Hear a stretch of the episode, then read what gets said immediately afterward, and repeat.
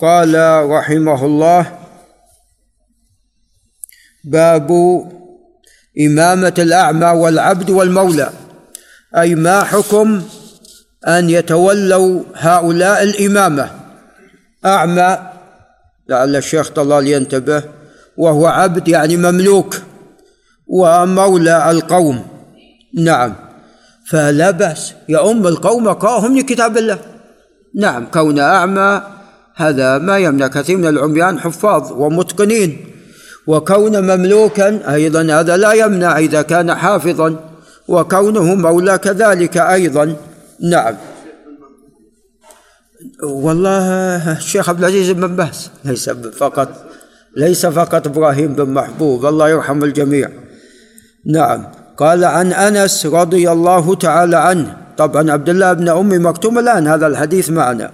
عن أنس رضي الله عنه أن النبي صلى الله عليه وسلم استخلف ابن أم مكتوم على المدينة مرتين يصلي بهم وهو أعمى. نعم. وفي قول الله عز وجل عبس وتولى أن جاءه الأعمى وما يدريك لعله يزكى المقصود هو عبد الله بن أم مكتوم رضي الله تعالى عنه. نعم. فكون الشخص أعمى هذا لا يمنع. وكان أيضا مؤذن. والمؤذن في يعني كونه أعمى ويؤذن هذا أشد من كونه أعمى وهو يصلي بالناس. يصلي بالناس ما يحتاج إلى البصر.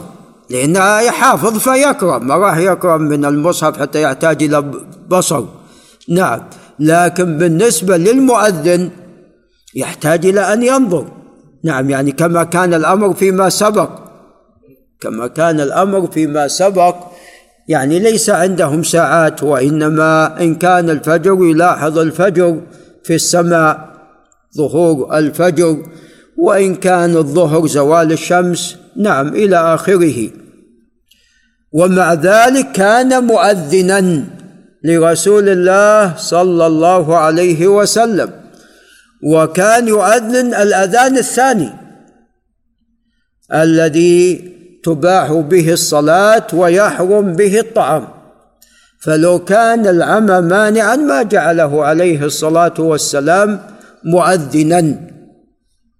نعم ف يعني الإمامة الصغرى والمأذنة لا يمنع. وأما الإمامة الكبرى يعني يكون سلطانا وملكا وأميرا للمؤمنين فبعض أهل العلم منع من ذلك. وقال إن السلطان والأمير يحتاج إلى أن يكون مبصرا يعني حواس معه قوة معه لأن هذه إمامة كبرى تحتاج إلى أمور. نعم. ليست مثل الإمامة الصغرى إمامة الصلاة. إمامة الصلاة يكبر ويقرأ بهم ويركع ويرفع ويسجد وهذا أمر بحمد الله يسير. نعم. بخلاف الإمامة الكبرى. نعم. قال يصلي بهم وهو أمر وهو أحمد وأبو داود. قال وعن محمود بن الربيع الأنصاري. أن عتبان بن مالك الأنصاري كان يؤم قومه وهو أعمى. وهذا طرأ عليه فيما بعد لأنه قال لرسول الله صلى الله عليه وسلم يا رسول الله إني قد أنكرت بصري. تغير عليه بصره ضعف. نعم. قال وأنه قال يا رسول الله إنها تكون الظلمة والسيل وأنا رجل ضرير البصر فصلي يا رسول الله في بيتي مكانا أتخذه مصلى. يعني في حال الظلمه والسيل قد لا أستطيع إني أصل إلى مسجدي فأصلي بهم. فعندئذ يعني أكون معذور. فتعال يا رسول الله عليه الصلاة والسلام صل في مكان في بيتي حتى أصلي فيه. مكانا أتخذه مصلى. فجاءه رسول الله صلى الله عليه وسلم فقال أين تحب أن نصلي؟ فأشار إلى مكان في البيت. فصلى فيه رسول الله صلى الله عليه وسلم. رواه بهذا اللفظ البخاري والنسائي.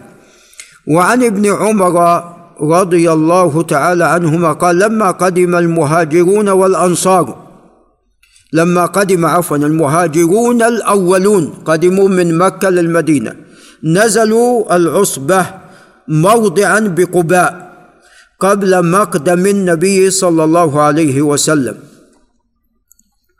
كان يؤمهم سالم مولى أبي حذيفة وكان أكثرهم قرانا فسالم كان مولى. وكان لماذا قدم أكثرهم قرآنا؟